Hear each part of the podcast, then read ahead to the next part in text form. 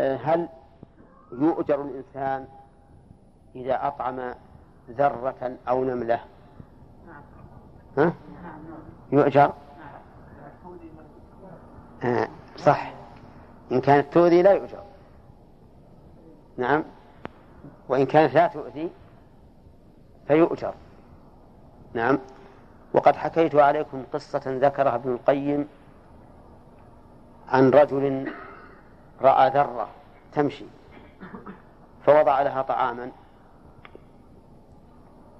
لكنها تعجز عن حمله فلما رأت الطعام وعجز عن حمله ذهبت إلى صاحباتها ودعتهم فجاءوا فلما أقبل في الذر رفع الطعام فجاءت الذر تطلب الطعام وهذه التي ذهبت تستصرخهم جعلت تبحث ما وجدت شيء. فرجعت الذر. ثم وضعه مرة ثانية. ورأته هذه الذرة وتيقنت فرجعت إلى صاحباتها فدعتهم. فجاءوا.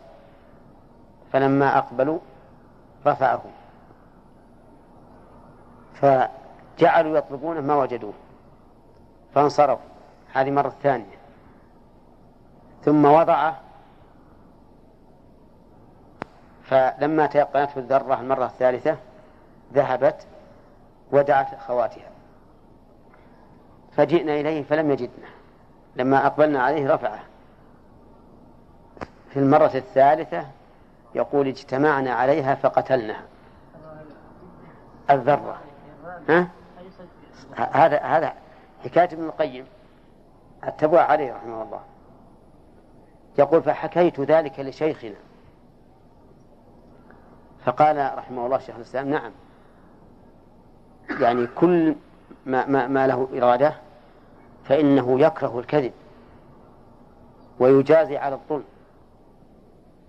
أذر هذول قالت هذه المرأة تكذب علينا تهك علينا. واقتلنا طيب ما تقولون في هذا الرجل؟ هل عليه دية هذه هذه الذرة؟ نعم. عليه إثم. لماذا؟ تسبب لقتلها طيب. إذا نقول كل شيء يستفيد من الطعام فلك فيه أجر. أي نعم. نعم. ديتها أن يتوب إلى الله. طيب ويستفاد من هذا الحديث آه، أن أن هذا الجزاء مشروط بكون المنعم عليه به محتاجا إليه. من أين يؤخذ؟ من قوله على عري وعلى جوع وعلى ظمأ. وعلى ظمأ. طيب فإن لم يكن كذلك مثل أن يكسو إنسانا عنده كسوة لكن كساه نافلة. فهل يحصل له هذا الأجر؟ الظاهر لا لأن القياس هنا قياس مع الفارق لأنه ليس دفع الحاجة كتحصيل الكمال النافلة قال وعن حكيم بن حزام رضي الله عنه عن النبي صلى الله عليه وسلم أنه قال اليد العليا خير من اليد السفلى هذه مبتدأ وخبر يد عليا ويد سفلى. فاليد العليا خير من اليد السفلى لأن العليا عالية والسفلى نازلة. وما هي اليد العليا؟ فسرها النبي عليه الصلاة والسلام في حديث آخر بأن اليد العليا يد المعطي واليد السفلى يد الآخذ المعطى وهذا ظاهر لأن المعطي أعلى رتبة من المعطى على كل تقدير. فتكون يده هي اليد العليا. وقيل إن اليد العليا هي يد المعطى بلا سؤال. واليد السفلى يد المعطى بسؤال. ولكن ما دام الأمر قد فسر من جهة المتكلم به فإن تفسير غيره إن كان لا ينافيه أخذ به وإن كان ينافيه فإنه لا يؤخذ به لأن المتكلم بالكلام أعلم به من غيره. إذا يد المعطي وهو يد المعطي هي اليد العليا لأن النبي صلى الله عليه وسلم فسرها بذلك. واليد السفلى هي يد الآخر. وإنما كانت خيرا منها لأنها معطية. باذلة ولأن لها منة وأما الأخرى فهي معطاة محتاجة متشوفة للغير. قال النبي عليه الصلاة والسلام وابدأ بمن تعول.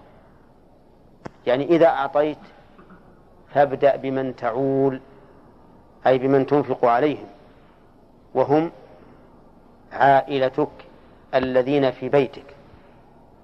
ومنهم نفسك فإنك تعول نفسك إذا أنك مأمور بإحيائها وإبقائها ومنهي عن إتلافها والإضرار بها. وقال وخير الصدقة ما كان عن ظهر غنى. خير الصدقة. هل يشمل الزكاة؟ أو المراد زكاة صدقة التطوع. ها؟ الظاهر أنه يعم. خير الصدقة ما كان عن ظهر غنى والزكاة لا بد أن تكون عن ظهر غنى. لأنها لا تجب إلا في مال يبلغ النصاب. وتجب جزءا قليلا وهو ربع العشر في الذهب والفضة والعروض ونصف العشر في الزروع التي تسقى بمؤونة والعشر كاملا في الزروع التي تسقى بلا مؤونة. وأما الماشية فليس لها حد محدود ولكنها معينة من قبل الشارع. طيب أما الصدقة صدقة التطوع فقد تكون عن ظهر غنى وقد لا تكون. تكون عن ظهر غنى إذا تصدق الإنسان بما زاد عن كفايته وكفاية عياله. حتى وإن كان فقيرا. لو كان هو يعد من من الفقراء لكنه عنده فاضل عن قوته وقوت عياله فتصدق به فهذا صدقته عن ظهر غنى. مثال ذلك رجل يدخل عليه في كل يوم خمسة ريالات ونفقته وعائلته أربعة ريالات. فتصدق بدرهم بريال يعني. بريال. صدقته هذه عن ظهر غنى ولا لا؟ ها؟ عن ظهر غنى. وهو يعد في هذا الدخل في وقتنا هذا من الفقراء ولا من الأغنياء؟ ليش؟ من الفقراء. يعني آه، قصري عرفا ما هو شرعا. ليش؟ لأن راتبه في الشهر كم؟ ثلاثمائة. مو خمسة ريالات مئة وخمسين. إيه مئة وخمسين.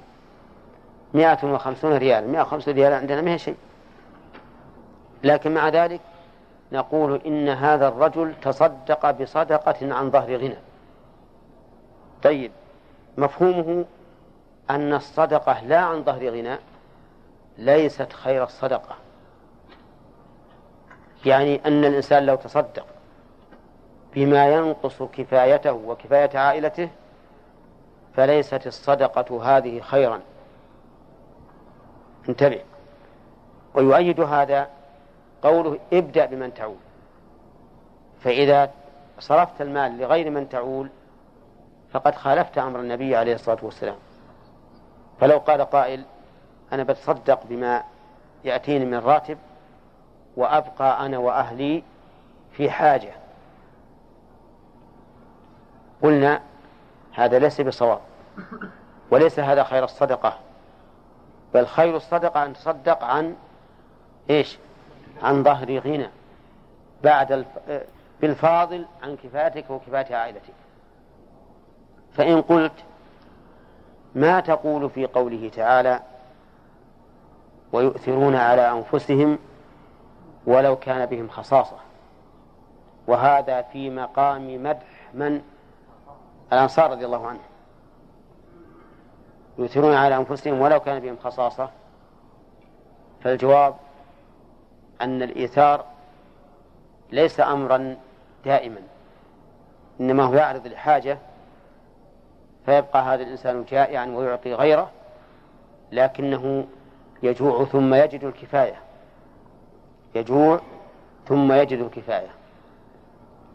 فإن قلت ما تقول في قصة أبي بكر رضي الله عنه وعمر رضي الله عنه حين حث النبي صلى الله عليه وسلم على الصدقة فقال عمر الآن أسبق أبا بكر ثم جاء بنصف ماله.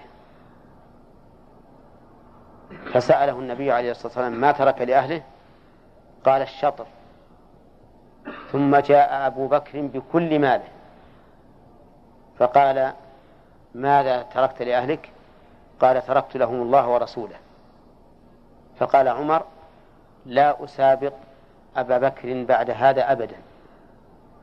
فأبو بكر رضي الله عنه أتى بكل ماله ليتصدق به. فالجواب كما قال أهل العلم إن الإنسان له أن يتصدق بكل ماله بشرط أن يعلم من نفسه الصبر ويعلم من أهله الصبر. أما إذا كان لا يعلم الصبر على التقشف لا هو ولا أهله فإنه لا يتصدق بكل ماله بل يجب عليه أن يبقي كفايته. قال ومن يستعفف يعفه الله ومن يستغني يغنه الله. يستعفف يستغني. الفرق بينهما أن الاستعفاف هو فيما يتعلق بالشهوة الجنسية والاستغناء فيما يتعلق بالمال.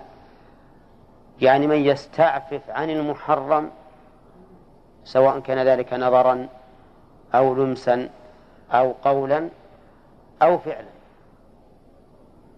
نعم فعلا أريد به آه، الزنا الأكبر. فمن استعف أعفه الله عز وجل.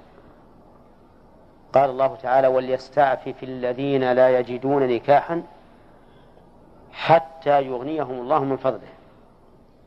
وقال والقواعد من النساء اللاتي لا يرجون نكاحا فليس عليهن جناح أن يضعن ثيابهن غير متبرجات بزينة وأن يستعففن خير لهن. وأن يستعففن خير لهن. فمن يستعفف يعفه الله أي يعينه حتى يكون عفيفا بدون تكلف العفة. لأن تكلف العفة مأخوذ من قوله من يستعفف. أما العفة لتكون طبيعية فهو قوله يعفه الله. ويحتمل أن يراد بقوله يعفه الله أن يهيئ له ما يعفه من زوجة أو مملوكة يمين. فقول يعفه الله يحتمل معنيين. أحدهما أن يجعل العفة طبيعة له. لا ينظر بعد أن استعف ومرن نفسه على العفة لا ينظر بعد ذلك إلى شيء. أو أن المعنى يعفه الله يهيئ له ما يعفه من زوجة أو مملوكة يمين. ومن يستغني يغنه الله. طيب. من يستغني يغنه الله يعني من يستغني عما في أيدي الناس من المال فإن الله تعالى يغنيه. وهل المعنى يغنيه الله أي يرزقه مالا يستغني به عن غيره أو المعنى أن الله يجعل الغنى في قلبه وليس الغنى عن كثرة العرض وإنما الغنى غنى النفس. أيهما؟ ها؟ لا شامل الأمرين. شامل للأمرين كم من إنسان خزائنه مملوءة لكن قلبه معدم والعياذ بالله؟ تجد المال كثيرا عنده لكنه كالأرض الرملية. لا يروى من الماء.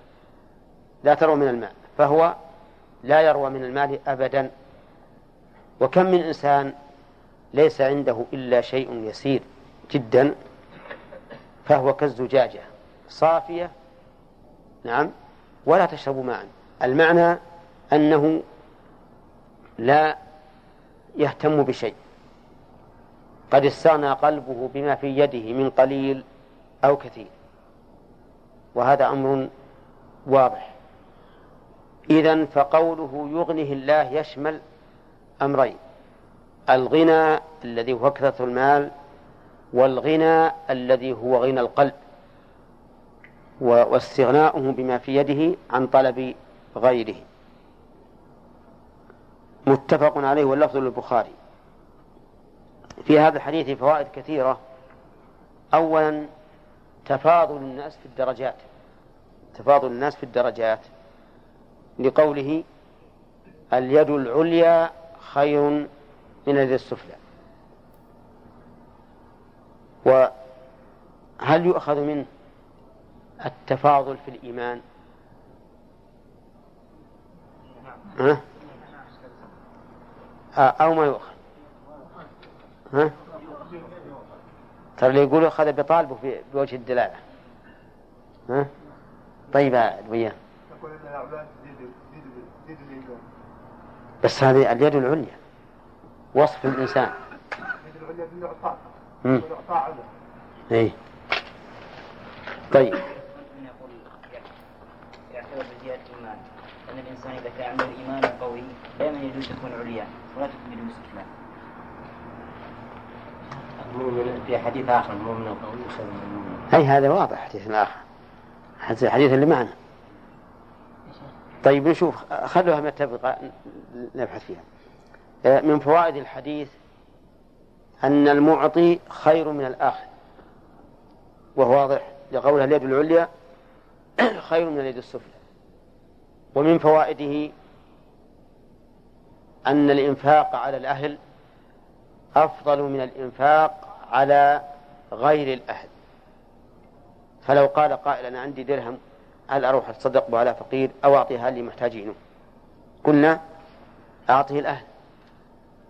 لقول النبي عليه الصلاة والسلام وابدأ بمن تعول. ومن فوائد الحديث أيضا أن على الإنسان عائلة. ويتفرع على هذا وجوب الإنفاق على العائلة. لقوله ابدأ بمن تعود ومن فوائد الآية الكريمة ومن فوائد الحديث ومن فوائد الحديث تفاضل الأعمال. من أين يؤخذ؟ قل. خير الصدقة؟ ما كان. معك كتاب؟ خير الصدقة ما كان عن ظهر غنى. طيب. يلزم من تفاضل الأعمال تفاضل الإيمان. يلزم من تفاضل الأعمال تفاضل الأعمال. الإيمان. لماذا يلزم؟ لأن الأعمال من الإيمان كذا ولا لا؟ فتفاضلها تفاضل له أنتم فاهمين هذه؟ يلزم من تفاضل الأعمال تفاضل الإيمان كيف ذلك؟ لأن الأعمال من الإيمان فإذا تفاضلت الأعمال تفاضل الإيمان وهل عندنا دليل على أن العمل من الإيمان؟ عندك دليل؟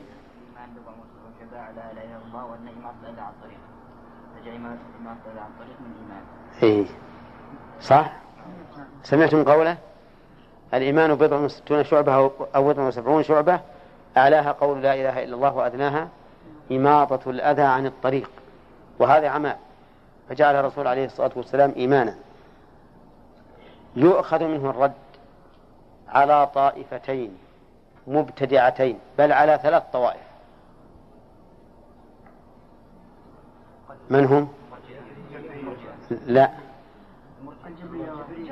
المرجئة. لا. ابتلوا عدوا عدد تعرفون. لا. المرجئة والوعيدية من المعتزلة والخوارج. الوعيدية طائفتان معتزلة وخوارج. إذن المرجئة والوعيدية لأن المرجئة والوعيدية كل منهم يقول إن الإيمان لا يزيد ولا ينقص. لأن المرجئة يقولون إن الإيمان هو إقرار القلب وهو لا يتفاضل وأولئك يقولون إن الإيمان هو إقرار القلب وجميع الأعمال وهو إما أن يوجد كله وإما أن يعدم كله. طيب. لا ما لا تخلو الجبرية الجبرية في مسألة القدر. هذا الرسول له عمل عملا ما يأخذ من هذه. يمكن يأخذ من الأولى. أما نحن نريد الرد على الذين يقولون إن الإيمان لا يتفاضل. طيب ويستفاد من الحديث أن خير الصدقة ما كان عن ظهر غنى. وهو كالفرع لقوله ابدأ بمن تعول لأنك إذا بدأت بمن تعول فما زاد فهو عن ظهر غنى فيكون خير الصدقة. ومن فوائد الحديث أن من طلب العفة عفه الله لقوله ومن يستعفف يعفه الله. ومن فوائده أن من لم يطلب العفة لم يوفق لها. من أرسل نظره وشهوته فيما حرم الله بقي قلبه والعياذ بالله منفتحا. لا ينسد متبعا لكل رذيلة منين يؤخذ هذا. هذه الفائدة من أين تؤخذ؟ من باب المفهوم مو اللازم من باب المفهوم لأن الكلام له منطوق وله مفهوم أفهمتم؟ منطوقه من يستعفف يعفه الله مفهومه من لا يستعفف لا يعفه الله. طيب. ومن فوائده أن الجزاء من جنس العمل. من يستعفف يعفه الله. ومن فوائد الحديث أيضا أن من استغنى عما في أيدي الناس أغناه الله عنه. لقوله من يستغني يغنه الله. ومن فوائده أن من لم يستغني عن أيدي الناس أما في أيدي الناس لم يغنه الله عنهم. يبقى دائما آه، متلهفا إلى ما في أيدي الناس. حتى إنه إذا وجد مع أحد شيئا وأعجبه قال والله يا زين هذا اللي معك. منين شريته؟ دلا عليه يشير لي مثله. وما أشبه ذلك. هذا يمكن يخجل وش يقول؟ ها؟ يقول أنت أمر عليه اترك إياه. هذا بدل ما يقول عطنا اللي معك يقعد يمدح هذا الشيء علشان ها؟ يخجل ويعطيه إياه. هل نقول هذا الرجل مستغنى من فائد الناس؟ لا. طيب. ما وج... ما شاهد ما هو الشاهد من هذا الحديث للباب؟ قولها اليد العليا كل الجمل الظاهرة اليد العليا خير من اليد السفلى. وابدأ بمن تعود. وخير الصدقة ما كان عن ظهر غنى. ومن يستعفف يعفه الله هذا هو الذي قد يكون خارج عن الموضوع. ومن يستغني يغنيه الله وهذا يخاطب به من يأخذ الصدقة. وأنه كلما استغنى عما في أيدي الناس أغناه الله. نعم. إذا قلنا إذا قلنا أن اليد العليا هي المنفقة اليد السفلى هي الآخرة تكون هي خير. لكن أحيانا في الواقع نرى أن قد يكون المعطى خير من المعطي. أي نعم. نشاهد هذا في الواقع. أي نعم. لا لا مو الخيرية المطلقة. الخيرية في هذا العمل المعين. ولا قد يكون المعطى رجلا صالحا وذاك رجل غير صالح. المعنى اليد يد المعطي في هذا العمل المعين فالمعطي فيه خير من الآخر. نعم. معلوم أن الزكاة لا تكون إلا عن ظهر غنى فكيف تدخل بالله؟ نقول نعم نقول هي خير الصدقات لكنها لا تكون إلا عن ظهر غنى. اي ما يخالف ما يخالف. نقول هي خير الصدقات لأنها عن ظهر غنى. ثم ثم نقسم صدقة التطوع إما أن تكون عن ظهر غنى أو عن غير ظهر غنى نعم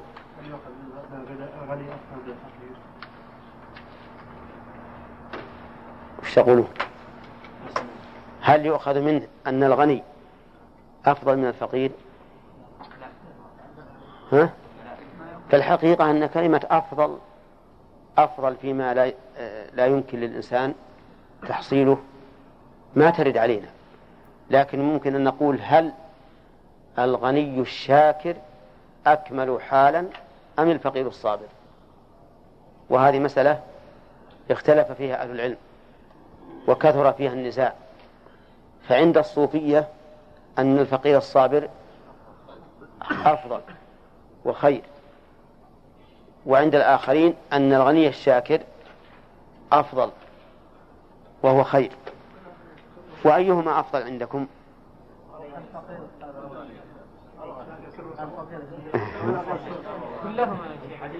الظاهر أن اللي ما عنده قروش بيقول الفقير الصابر. لا ما هي في هذه دليل؟ نعم. نعم. أي نعم. فقال الرسول عليه الصلاة والسلام ذلك فضل الله يؤتي من شاء. وقال النبي عليه الصلاة والسلام نعم المال الصالح للرجل الصالح. ولولا, المال ما قام الجهاد في سبيل الله. الجهاد غالبه مبني على المال. ولهذا لا شك أن الغني الشاكر أفضل من حيث تعدي نفعه. ولا لا؟ إذ أن ذاك ما يستطيع أن يصل.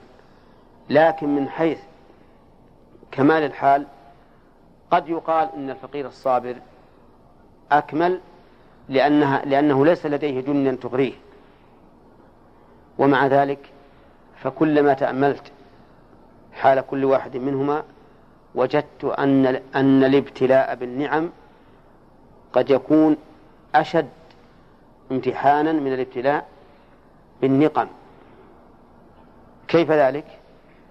لأن المبتلى بالنقم إما أن يصبر صبر الكرام أو يسلو سلو البهائم ما عنده إلا هذا وش يسوي؟ ماذا يقول؟ فهو صابر صابر. لكن المبتلى بالنعم قليل من الناس من يقيد النعمة ويشكرها.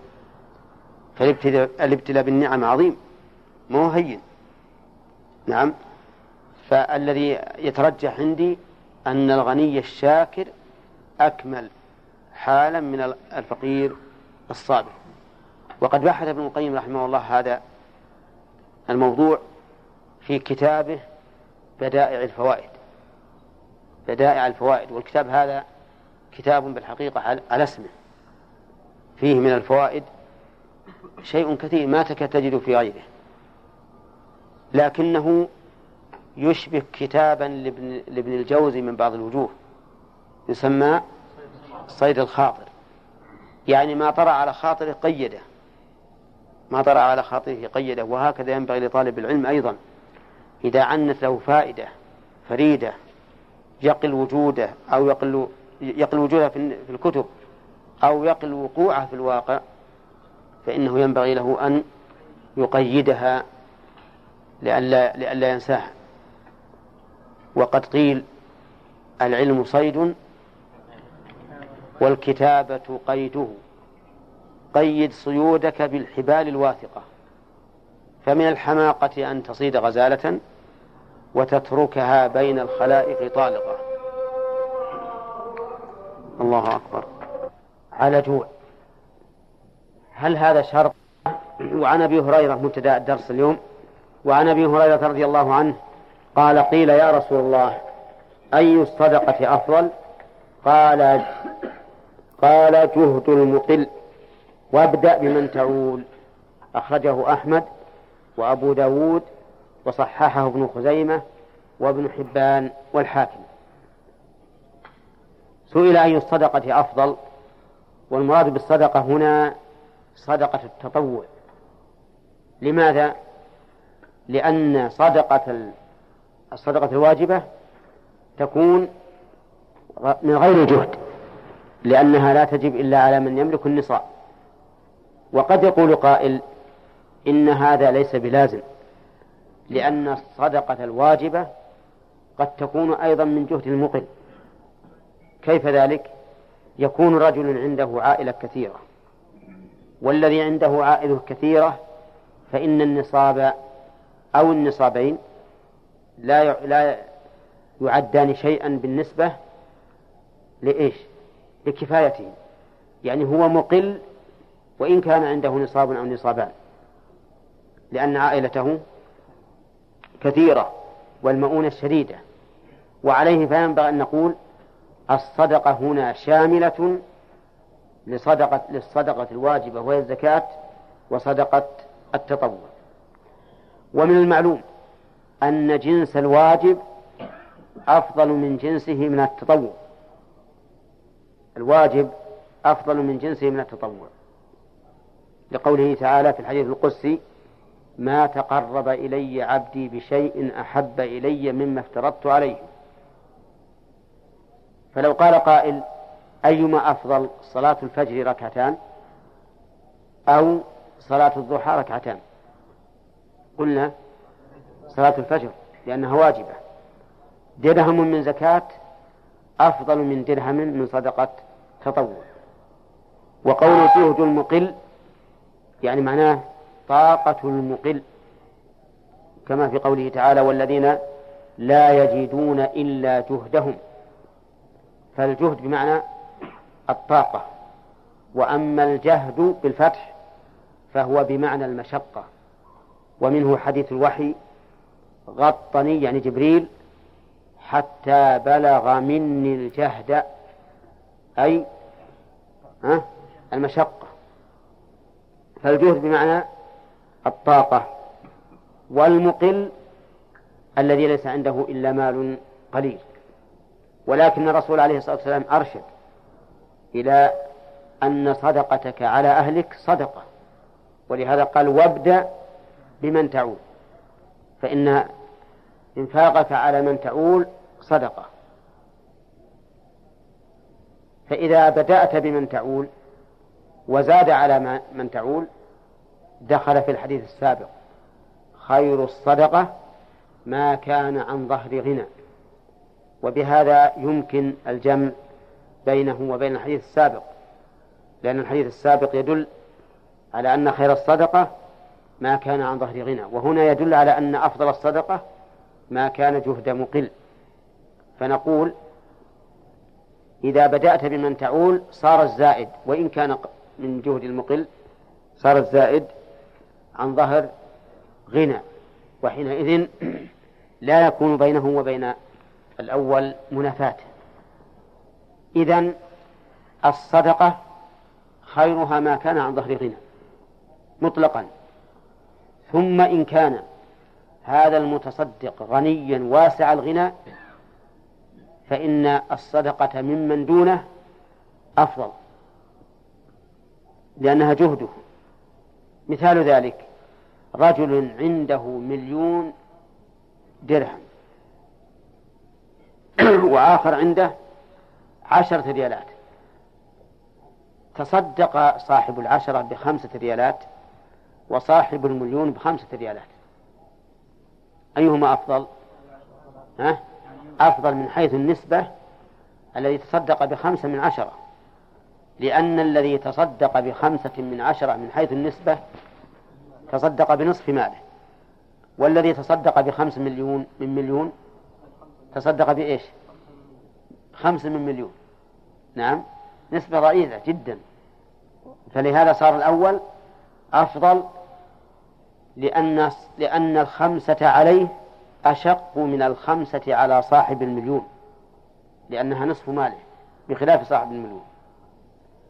قد يقول قائل إن سماحة صاحب الخمسة من عشرة تكون أحيانا أكثر من سماحة صاحب الخمسة من مليون إذا كان صاحب المليون بخيلا. نعم عثر بحجر فتقطعت النعلة. ها؟ أو لا؟ عثر بحجر. ها؟ فانجرح قدمه. انجرح قدمه جرحا عظيما. فقال شوي ها؟ ولا بالنعلة. يعني أن الجرح الذي في رجله أهون عليه من الجرح الذي في نعلته. إذا كان صاحب المليون من هذا الطراز فأعتقد أن الخمسة من المليون بالنسبة إليه أشق على الأو أشق من خمسة من عشرة بالنسبة للأول. لكنها لكنها لكن الأخلاق النفسية أو الغريزية هذه ما علينا منها. الكلام على الواقع. فإننا نقول خمسة من عشرة أفضل من خمسة من من مليون. بل ومن مئة. إذن هذا معنى قوله جهد المقل. ولكن الكل عن ظهر غنى لأنه قال وابدأ بمن تعود. في هذا الحديث من الفوائد حرص الصحابة رضي الله عنهم على العلم لأنهم رضي الله عنهم يسألون الرسول صلى الله عليه وسلم والسؤال عن العلم دليل على الرغبة فيه. ولهذا قيل لابن عباس رضي الله عنهما بما أدركت العلم قال أدركت العلم بلسان سؤول وقلب عقول وبدن غير ملول. ثلاثة أشياء. لسان سؤول يسأل يبحث حتى إنه رضي الله عنه يأتي إلى الرجل من أصحاب النبي عليه الصلاة والسلام. يبلغه أن عنده حديثا عن الرسول صلى الله عليه وسلم. فيأتيه في القائلة. فيضع رداءه على عتبة الباب وينام حتى يقوم صاحب البيت فيسأله عن الحديث. من الذي يجلس على عتبة العلماء في القائلة؟ نعم حتى يخرجوا فيسألهم. منكم أحد يفعل ذلك؟ ها؟ ما منا أحد يفعل ذلك. حتى أن الرجل يقول له يا ابن عم رسول الله صلى الله عليه وسلم كيف تفعل هذا؟ فيقول أنا طالب علم. وطالب العلم يذل يذل نفسه لا للعالم لأنه عالم ولكن لأجل العلم. طيب الصحابة كانوا يسألون الرسول عليه الصلاة والسلام ولكن هل سؤالهم لمجرد العلم أو للعلم الذي يراد به التطبيق؟ الثاني وهذه هي ثمرة العلم. ثمرة العلم أن نطبق. فإن لم نطبق صار علمنا كلا علم بل أشد من من الذي لا علم عنده. لأن هذا حمل شيئا فلم يحمله كمثل الحمار يحمل أسفارا. إذا عندما نأتي للعلماء ونسألهم ينبغي لنا أن نسألهم لا لأجل أن نعلم فيكون علومنا نظرية بل لأجل أن نعمل فتكون علومنا نظرية تطبيقية. وكان الصحابة لا يتجاوزون عشر آيات حتى يتعلموها وما فيها من العلم والعمل. ونحن نحمد الله عز وجل أننا اليوم نرى شبابا يطبقون ما عملوا ما علموا. تجد الشاب يطبق ما علم في صلاته وفي جميع أحواله بينما نجد بعض العلماء عندهم علوم نعرف أن عندهم علما كثيرا ولكن عندما تشاهدهم في عباداتهم ومعاملاتهم تجدهم لا يطبقون ذلك كما ينبغي. لكن الحمد لله الآن الشباب الملتزمون الذين يتقون الله ما استطاعوا نجدهم الحمد لله يطبقون وهذه هي ثمرة العلم. ومن فوائد الحديث أن الأعمال تتفاضل. لقولهم أي الصدقة أفضل؟ فأقرهم النبي عليه الصلاة والسلام. والأعمال تتفاضل في جنسها وفي كيفيتها. ففي جنسها يا طلال تتفاضل في جنسها. من التطور من جنسه. وسئل النبي عليه الصلاة والسلام أي العمل أفضل؟ قال الصلاة على وقتها. قلت يقول ابن مسعود ثم أي قال بر الوالدين قلت ثم أي قال الجهاد في سبيل الله. فالأعمال تتفاضل من حيث الجنس. شوف الآن الواجب أفضل من التطوع الصلاة على وقتها أفضل من بر الوالدين البر الوالدين أفضل من الجهاد. هذا اختلاف إيش؟ اختلاف جنس. كذا؟ طيب أي الصدقة أفضل؟ اختلاف. ها؟ نوع أو شيء الكيفية مثلا. طيب إذن نقول الأعمال تتفاضل. ويلزم من تفاضل الأعمال ونحن نقول بقول أهل السنة والجماعة أن الأعمال من, من إن الأعمال من الإيمان يلزم منه تفاضل الإيمان. فيكون في ذلك رد لقول طائفتين مبتدعتين وهما المرجئة والوعيدية. المرجئة يقولون الناس الأعمال يقولون إن الناس لا يتفاضلون في الإيمان؟ فهم سواء في كماله. أفسق الناس وأطوع الناس على حد سواء. والوعيدية الذين يقولون إن الإيمان لا يتبعض. إما أن يوجد كله أو يعدم كله حتى إن فاعل الكبيرة عندهم خارج من الإيمان. طيب. ومن فوائد الحديث أن الصدقة من قليل المال أفضل من الصدقة من كثير المال. لقوله جهد المقل لقول النبي عليه الصلاة والسلام جهد المقل. واعلم أن الصدقة تتفاضل في كميتها بالنسبة إلى مال المتصدق وتتفاضل أيضا في محلها أي في موضعها الذي وضعت فيه. فالصدقة على الفقير ذي العيال الذي لا يسأل أفضل من الصدقة على فقير لا عيال عنده أو على فقير يسأل الناس. لأن الأول أحوج وأورع وأزهد والثاني لما عنده عيال ويسأل هذا في الغالب يكون عنده مال. حتى إن بعضهم إذا مات وجدوا عنده أموال كثيرة. نعم. لأنه واحد ويسأل فتأتيه الأموال كثيرة وهو لا ينفق. نعم. وفي في الحديث من الفوائد أن الأولى والأفضل للإنسان أن يبدأ بمن يعول وأنه لو جاء يسألنا يقول أنا عندي مال فمن أتصدق عليه؟ قلنا على من تعول ومنهم نفسك. لقوله وابدأ بمن تعول. ومن فوائد الحديث أن الإنسان ينبغي له أن يبدأ بالأهم فالأهم. ولا لا؟ لقوله ابدأ بمن تعول. فالذي تعولهم نفقتهم واجبة عليك. والأجانب الصدقة عليهم تطوع. فابدأ بمن تعول. وعنه رضي الله عنه قال قال رسول الله صلى الله عليه وسلم تصدقوا. تصدقوا فعل أمر وهل هو على سبيل الوجوب؟ إن كان المراد به الزكاة فعلى سبيل الوجوب. وإن كان المراد به ما زاد على الزكاة فعلى سبيل الاستحباب. والصدقة بذل المال لمستحقه. وسميت بذلك لأنها تدل على صدق إيمان الباذل على صدق إيمان الباذل.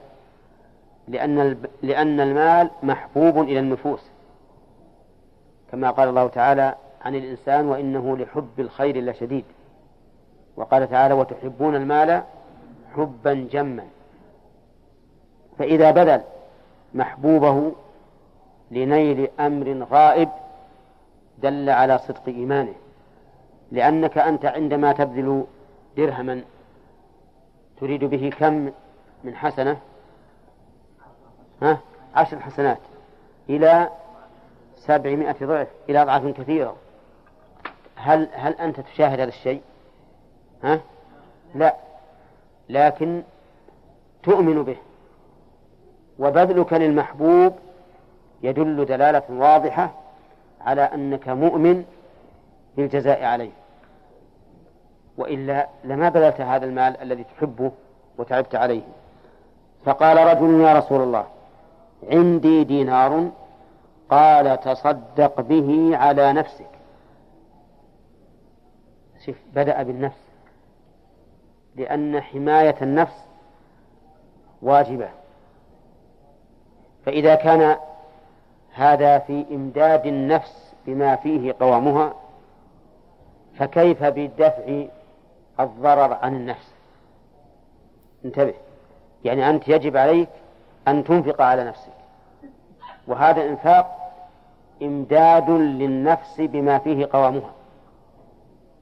فما بالك بأي شيء بدفع ما يضرها؟ فإن ذلك أوجب. ولهذا نقول لا يجوز للإنسان أن يتناول شيئا يضره سواء كان ما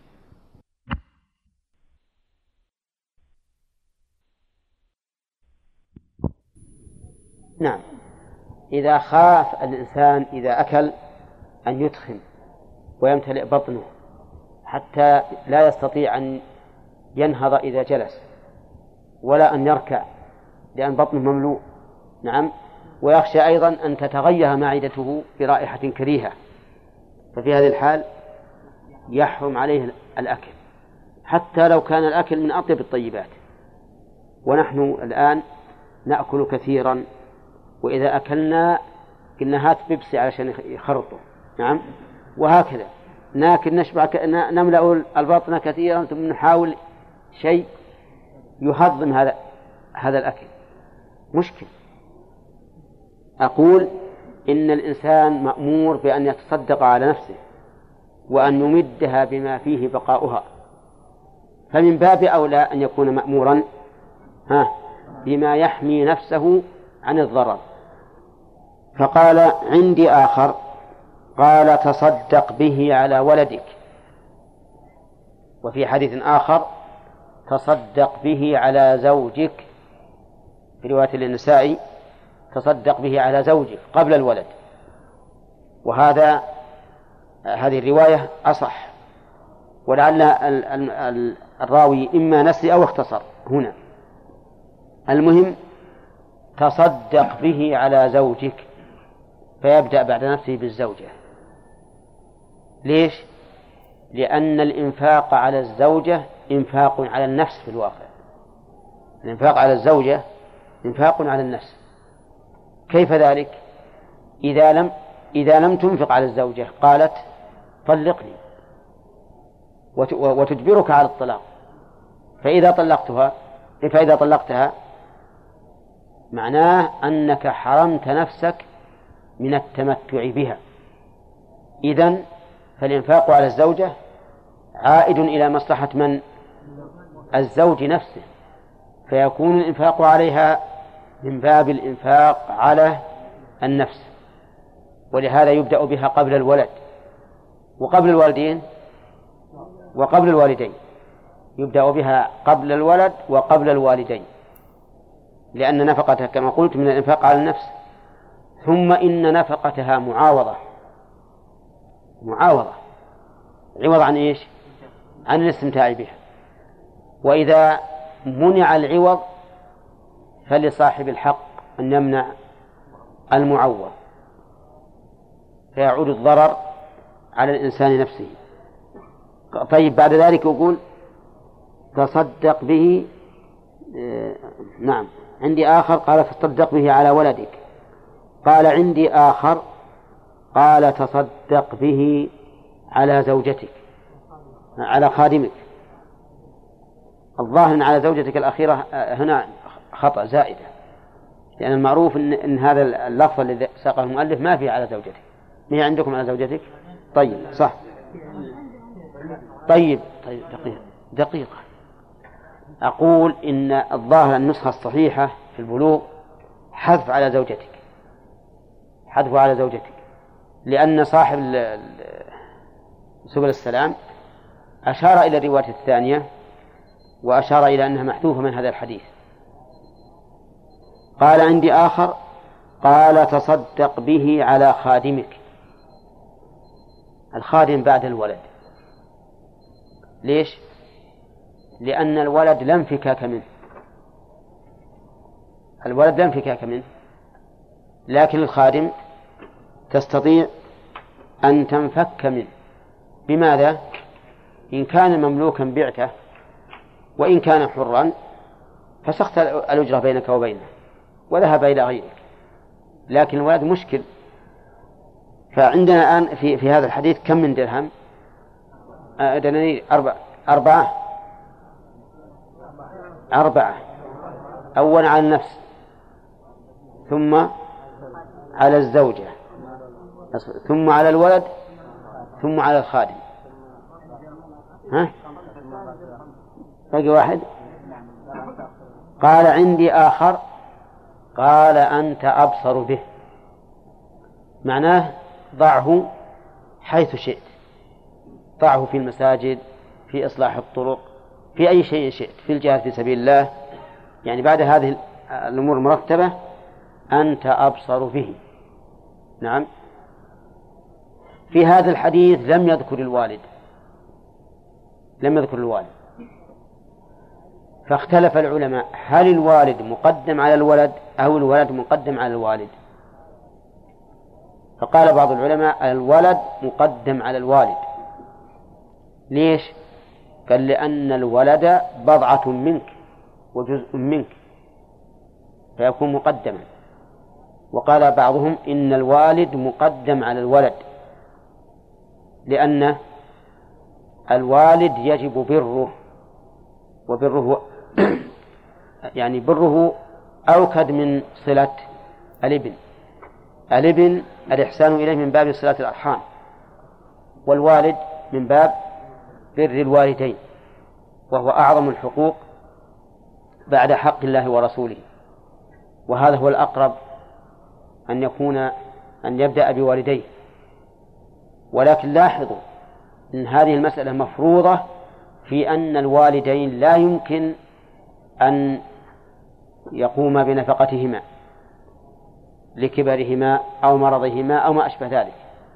وإلا لكان الولد مقدما فإذا فرضنا أن أحدا من الناس عنده دينار إما أن يعطيه ولده الصغير الذي لا لا يستطيع أن يكتسب لنفسه له مثلا سنتان أو أبوه الذي هو كبير يستطيع أن يتكسب لكن قال والله ما نبغى آخذ عربية أشيل عليها خضرة للتحميل أو ما أشبه ذلك أنا ما ما ما أقدر أروح هكذا أيهما اللي نقدم هنا؟ ها؟ نقدم الولد لأن الأب بإمكانه أنه يروح مثلا لو يحمل يحمل بعربية يذهب إلى البر ويجيب حطب يبيعه وما أشبه ذلك عرفتم؟ ولكن إذا فرضنا المسألة أنه لا يمكن أبدا لا أن يكتسب لا الأب ولا الابن فحينئذ يحصل الخلاف الذي ذكره العلم هل يقدم الولد أو يقدم الوالد؟ طيب هذا الذي ذكره الرسول صلى الله عليه وسلم في الترتيب بعد جواب على سؤال السائل. هل السائل حين سأل يريد أن يعرف الحكم ويجعل هذا العلم في في جيبه وإلا يريد أن يجعل هذا العلم ظاهرا على سلوكه ها؟ الأخير لأن هذه هي حال الصحابة رضي الله عنهم نعم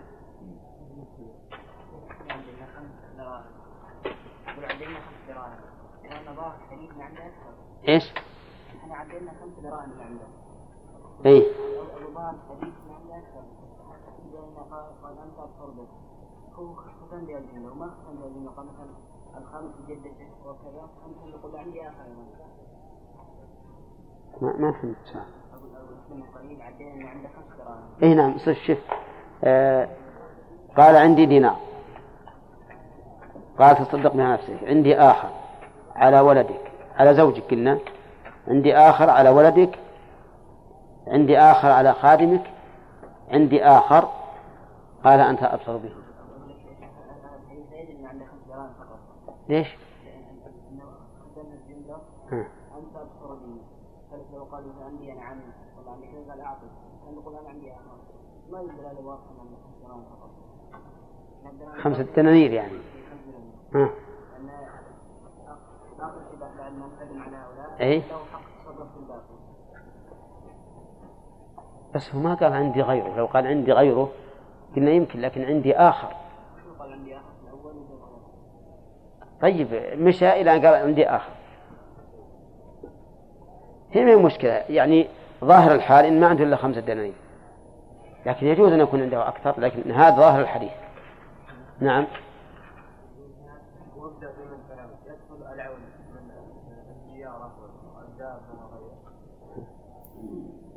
إن كان السيارة إذا قضى البنزين طنبت تقول أعطون وتتألم فنعم يعني يدخل أما الدابة تدخل لا شك. الدابه ما السيارة إلى إلى إلى إلى جاءت اتركه وبعدين يجيب الله الرزق ها؟ من جنسه من جنسه؟ اي اي معلوم.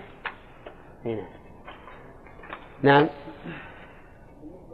الثلاثه في الغار أحدهم وقف على والديه نعم.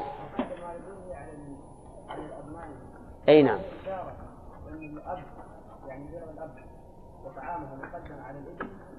أن أي هذه هذه نعم يستدل بها على ذلك مع أنه قد يناقش في الاستدلال لأن الامر الآن الأمر ليس دائرا بين أن يعطي هؤلاء ويحرم هؤلاء بالكلية.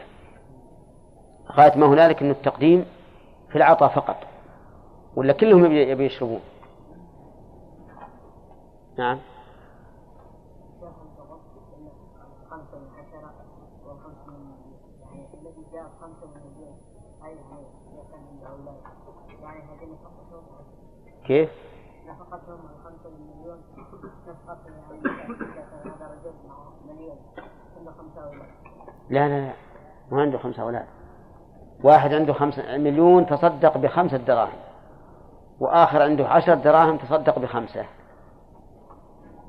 وفي جهة خمسة ها؟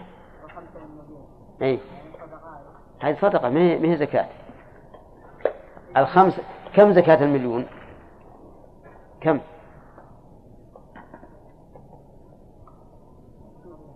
ها؟ زكاة المليون ألف ألف ها؟ كم؟ أصبر يا أخي ألف ألف أه. إيه. كم تكون؟ خمسة وعشرين ألف. صح. اي نعم. طيب. نعم يا أحمد.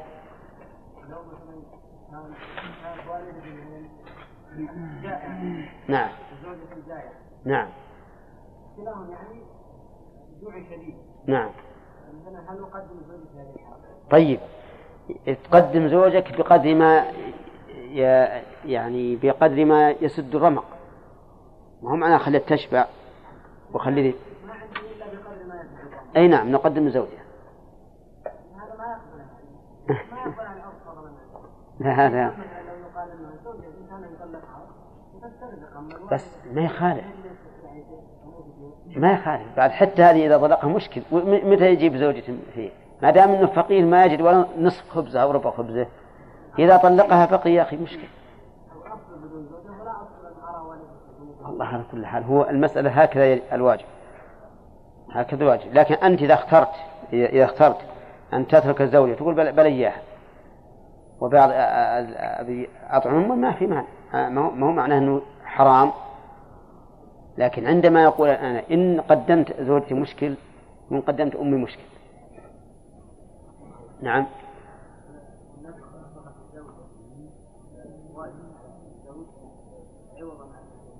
نعم.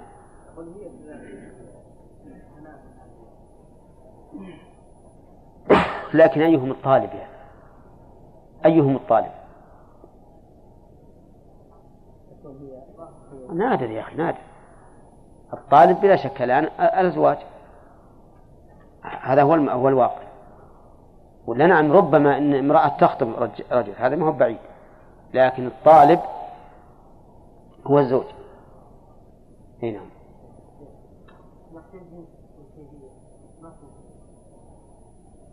الجنس مثلا الصلاة أفضل من من الصدقة. الصلاة أفضل من الصدقة. هذا الجنس. لأن الصلاة عبادة خاصة متميزة عن الصدقة. الكيفية مثل أو النوع. الواجب من الصدقة أفضل من المستحب نعم ها؟ نعم أنا أقول إنه يشترط أن يكون على عالم ولا يعني لأن يكون أشد حاجة يعني خلاف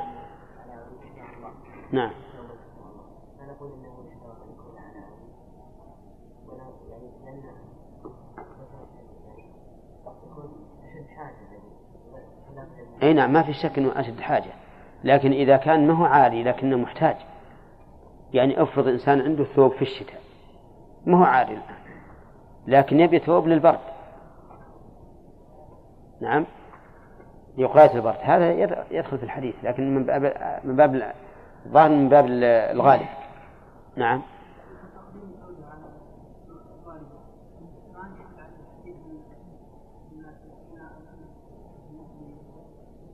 نعم. ما يشكل عليه لأن الظاهر مراده الناس لأن الزوجة تعتبر الإنفاق عليه من الإنفاق على النفس. وربما نقول بالنسبة لحسن الصحبة صحبتك لأمتك لأمك يجب أن تكون أحسن من صحبتك لز- لزوجتك. يعني بلين الكلام ورقه والخدمة وما أشبه ذلك. نعم. لا النفقة معاوضة. النفقة معاوضة. حتى مثلا عند النفقة إذا أعطيت أمك تعطيها برفق ولين نعم لكن زوجك مو بلازم. يأتي في النفقات كذلك في المؤلف. وبين السبب قال تقول أطعمني أو طلقني نعم. سبعة وجوه. سبعة وجوه لتفاضل الأعمال. طيب. بكميته مثل سامي واضح؟ انتبهوا إلى أوجه التفضيل. فصارت الآن أوجه التفضيل باعتبار إيش؟ نبدأ من الأول. باعتبار الجنس والنوع؟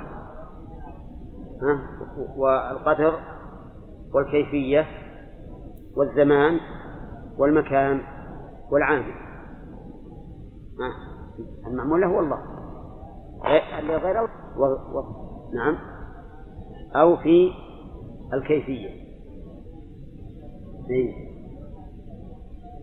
إيه. على كل حال تختلف أوجه النظر في إدخالها في هذه الأنواع في هذه الوجوه السبعة طيب.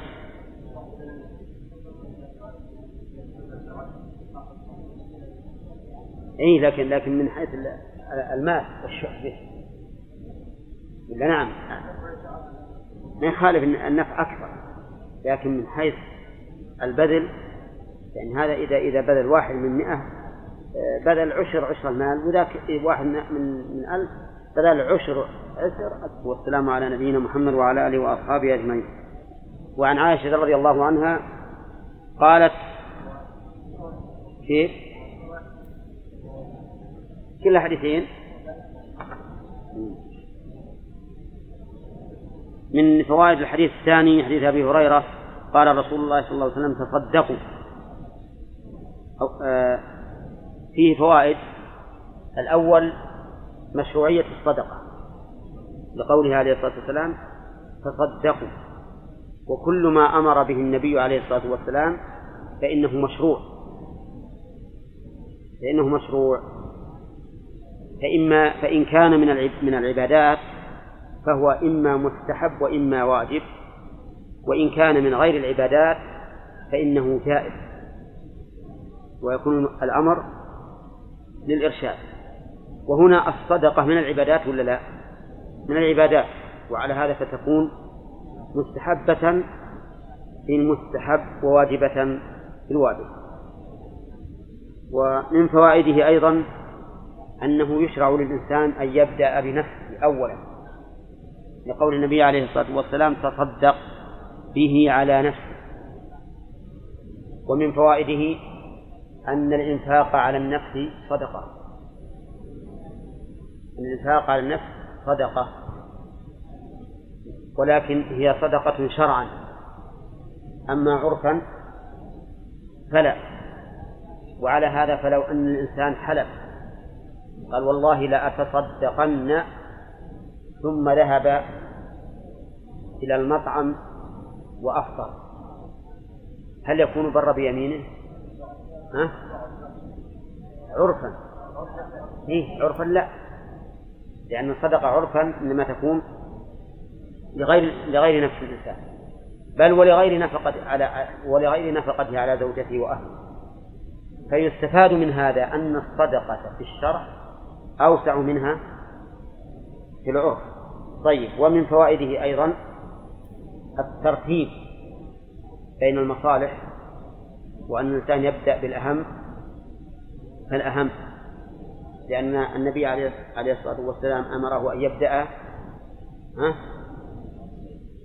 بماذا؟ بنفسه ثم بولده أو بزوجته على اختلاف الروايتين والمشهور تقديم الزوجة وعللوا ذلك بأن الزوجة إذا لم ينفق عليها قالت ها؟ طلقني فإذا طلقها فقد فوت مصلحة تعود إلى بخلاف الولد. ومن فوائده جواز اتخاذ الخادم لقوله على خادمه وهذا إقرار من النبي عليه الصلاة والسلام على اتخاذ الخدم.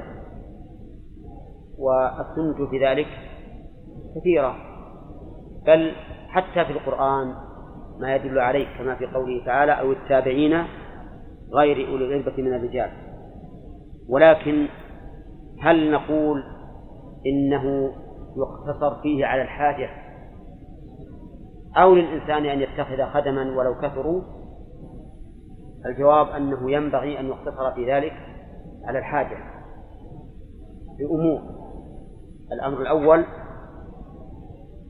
أن هؤلاء الخدم إذا كثروا لزمك من المؤونة والمراعاة والمسؤولية ما لا يلزمك لو كانوا أقل.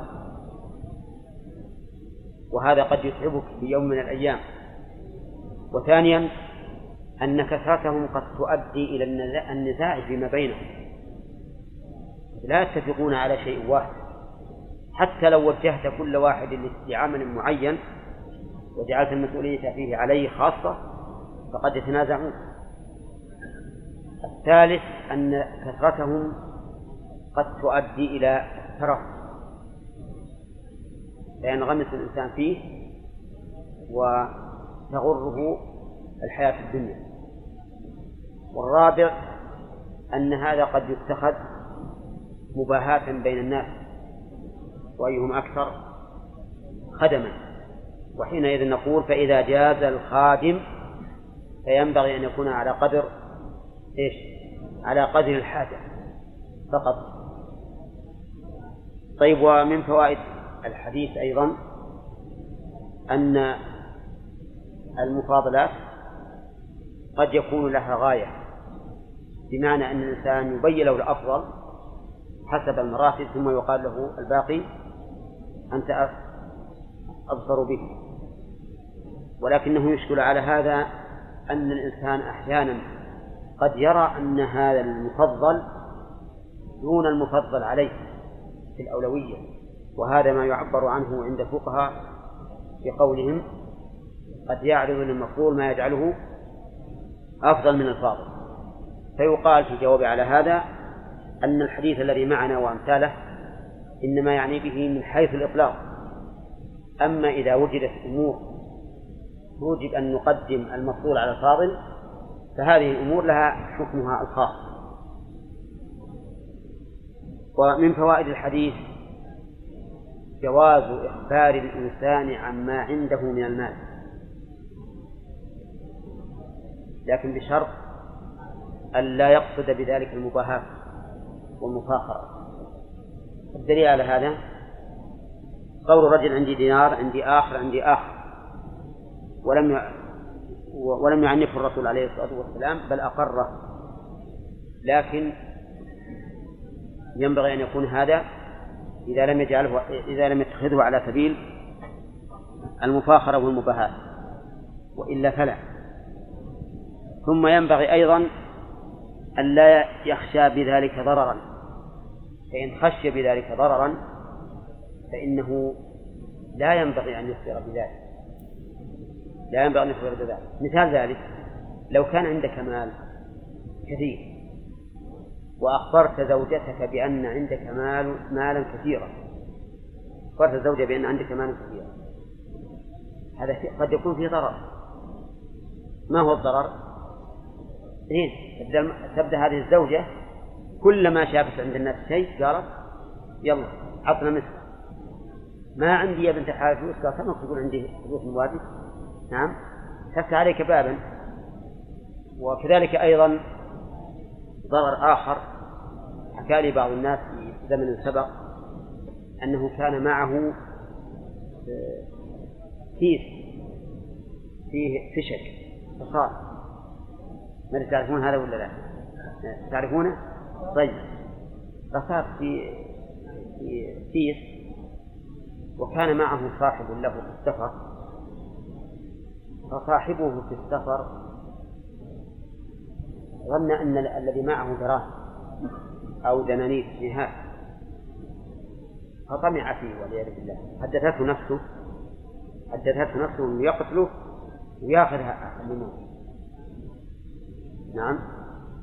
يقول فلما كان ذات يوم جاء جاء لمي وراح بعيد شوي هم جاء. قال أبو فلان أبو فلان اعطنا البندق. إني إني رأيت أرنبا.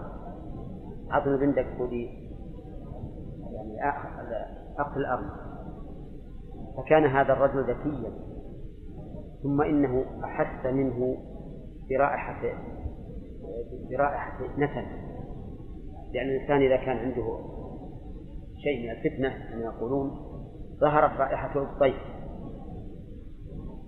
وهذا قد جرب الأسفار رجل عارف.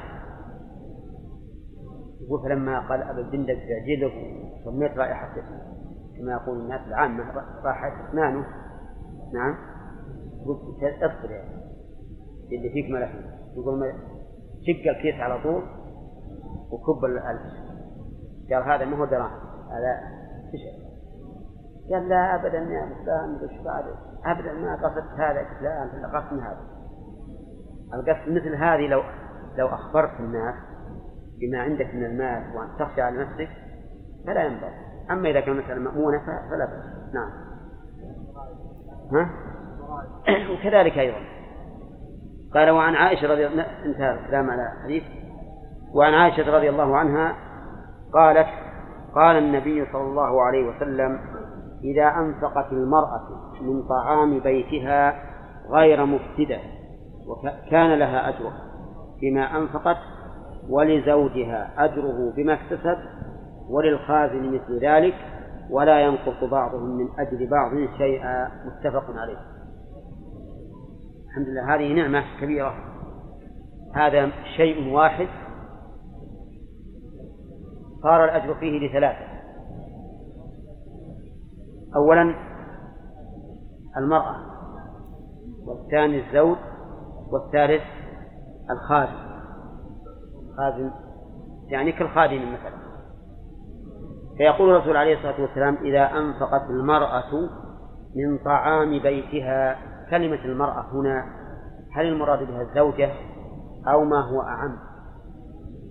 الظاهر أن المراد بها به ما هو أعم يعني المرأة القائمة على البيت سواء كانت الزوجة أو الأم.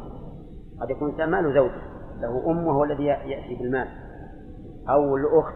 المهم ممكن أن نقول إن المرأة هنا ربة البيت سواء كانت الزوجة أو غيرها. وقول من طعام بيتها ترى هذا الإمكان يمنعهما في آخر الحديث وهو قوله ولزوجها. وعلى هذا فيكون المراد بالمرأة بناء على القرينة في آخر الحديث المراد بها الزوج. طيب وقوله مما من من طعام بيتها. الإضافة هنا إليها على سبيل التملك أو الاختصاص. الظاهر على سبيل الاختصاص وأن البيت ملك لزوجها وليس لها. وقوله, وقوله عليه الصلاة والسلام غير مفسدة هذه حال حال من المرأة. يعني أنفقت حال كونها غير مفسدة يعني لا تريد إلا الإصلاح. لا تريد إفساد المال وتدبيره على غير وجه مشروع بل هي تنفق على فقير على قريب وما أشبه ذلك. المهم أنها غير مفسدة. وهذا شرط أساسي في كل ما يطلب به الأجر. فكل ما يطلب به الأجر إذا كان مقترنا به الفساد فإن الله تعالى لا يرضاه. لأن الله يقول والله لا يحب الفساد ويقول والله لا يحب المفسدين. طيب وقوله كان لها أجرها بما أنفقت. ألب هنا للسببية أي أجر إنفاقها وإعطائها. والثاني قال ولزوجها أجره بما اكتسب. ألب أيضا هنا للسببية. لأن الزوج هو الذي اكتسب المال وأحضره إلى البيت وهي هي التي أنفقت وتبرعت فلها أجر الإنفاق ولزوجها أجر الاكتساب وهنا الجهة واحدة أو مختلفة ها؟ هو الطعام واحد لكن الجهة مختلفة لأن هذا اكتساب وذاك إنفاق قال. قال الرسول عليه وللخازن مثل ذلك. عندنا الخازن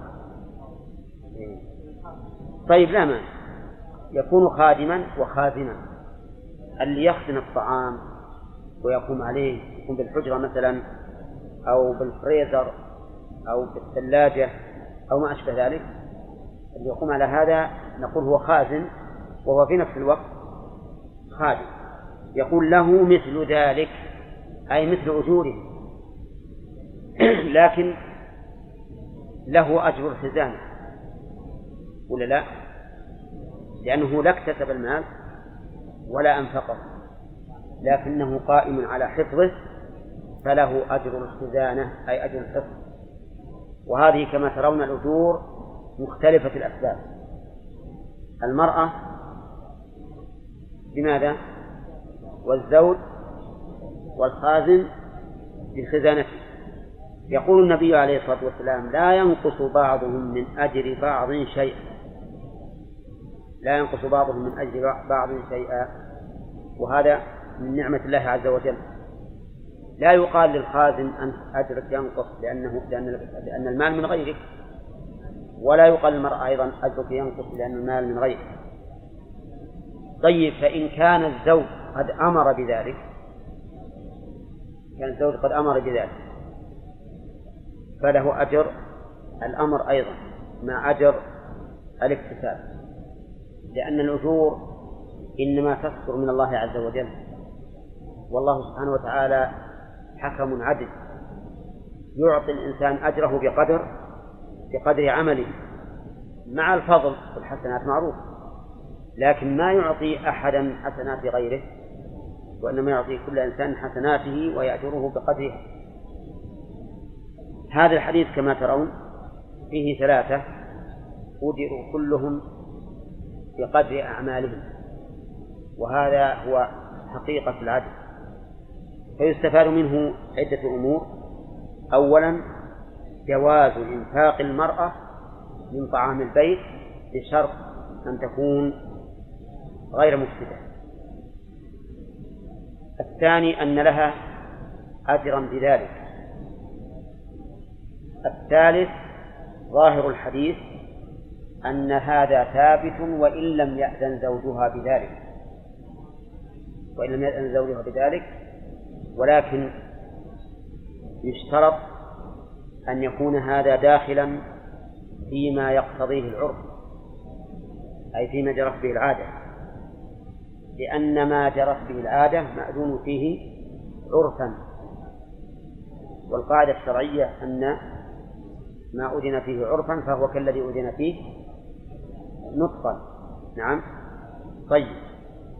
فإن فإن فإن تصدقت بأكثر مما جرت به العادة نعم. مثل أخذت البلال تصدقت بهن والبرقان أباريق الشاهي تصدقت به. وأكياس الرز تصدقت بها وأكياس السكر والشاهي وجاء الزوج ما وجد في البيت شيء شيئا. هذا يصلح ولا لا؟ أو نقول داخل في قوله غير مفسدة. لأن هذا في الحقيقة وإن كان ما هو إفساد لأن هذه الأشياء وجهت توجيها سليما أعطت الفقراء والأقارب وما أشبه ذلك. لكن في الواقع هي من حيث البيت مفسدة ما فيها شك رجل جاء يتغدى ووجد كل البيت خالي ما في شيء قال لماذا؟ قال والله تصدقت به. نعم. هذا ما هو صحيح. إذا إذا نقول لابد أن يكون مما أذن فيه عرفا. طيب وظاهر الحديث أنه لا فرق بين أن يكون الزوج بخيلا لا يرضى بأن تبدل شيئا أو غير بخيل. نعم. مو هذا ظاهر الحديث طيب ولكن هل هل هو مراد؟ الظاهر أنه غير غير مراد. لأنه لا يحل مال امرئ مسلم إلا برضاه. كما قال تعالى لا تأكلوا أموالكم بينكم بالباطل إلا أن تكون تجارة عن تراض منكم فلا بد من الرضا. فإذا علمت أن الزوج بخيل لا يرضى أن تتصدق ولا بتمرة فلا تتصدق. وهنا مسألة تشكل على بعض النساء. يأتي الزوج أحيانا بحاجة للبيت كثيرة لكنها تفسد إذا تأخر أكلها. فتقول الآن أنا بين أمرين إما أن أتصدق بها أي بالزائد وإما أن يبقى ويفسد. وزوجي يقول لا تتصدقي بشيء. فماذا تقولون؟ ها؟ ها؟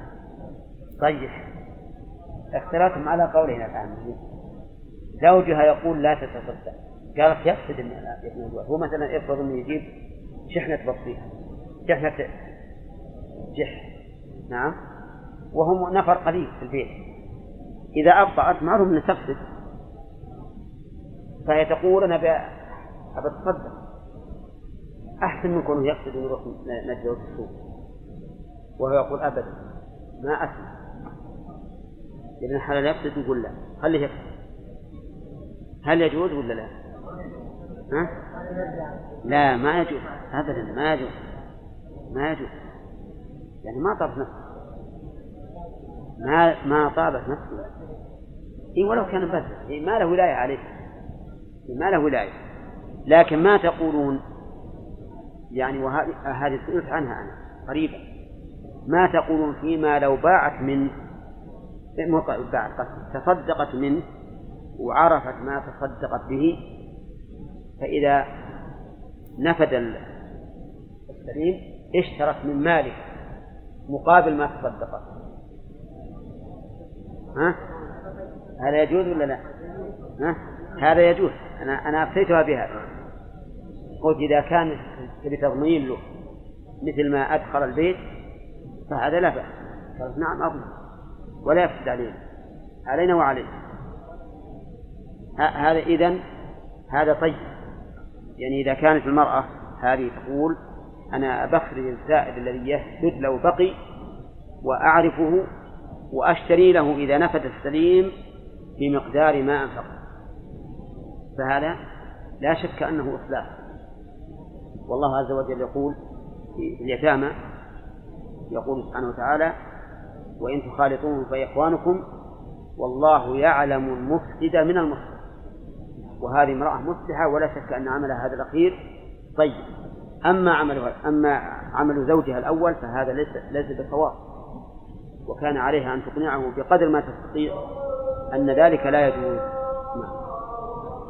الله أكبر.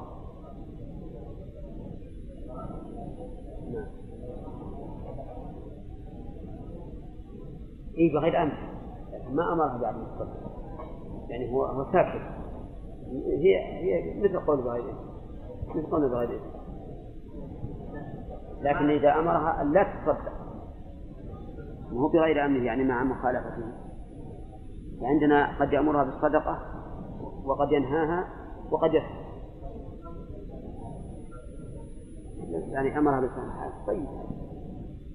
يعني لو عرفت ها؟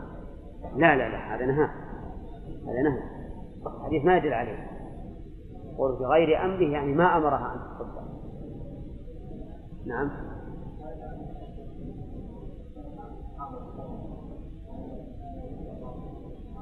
لا له الفقير إيه؟ لأن الرقة قد ينتفع به يأجرهم ولهذا خرجهم رضي الله عنه كان يخارجهم. يقول جيبوا لي درهم باليوم والباقي عملكم لكم. فكانوا يأتون له بألف درهم يوميا. نعم.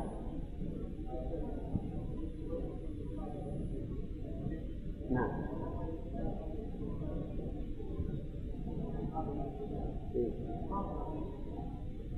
لأن الخادم الله يجيب الطعام ويهيئه ويقربه وربما هو اللي يصرف أيضا.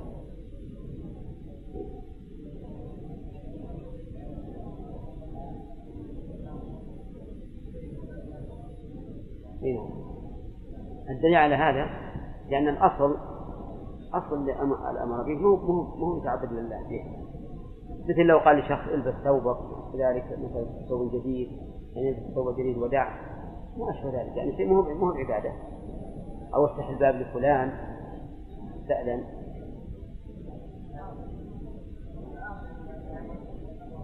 إيه؟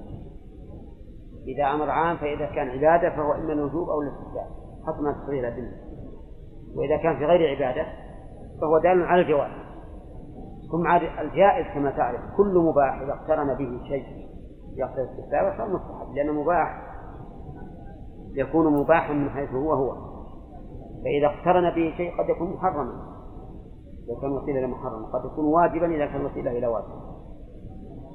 نعم.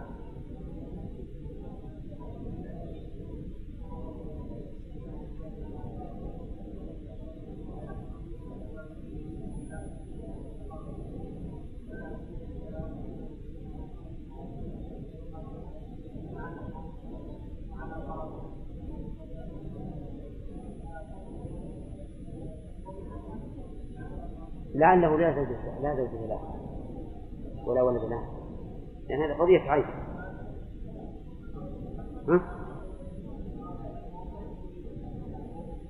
أقول لعله لا زوجة له ولا ولد. لأن هذه قضية عيب ما هي لفظ عام. والرجل هذا كان عليه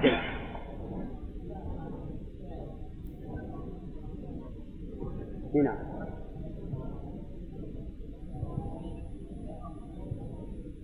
ها؟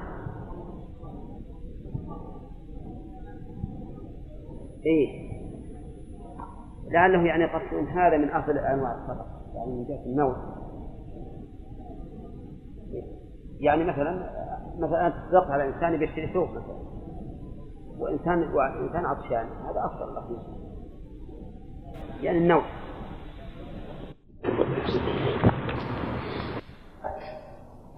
فيؤخذ منه قاعدة تصرف الفضول. وما هو تصرف الفضول؟ ضلال. بغير إذن. هذا تصرف الفضول. فالعلماء اختلفوا في ذلك. هل ينفذ التصرف أو لا ينفذ؟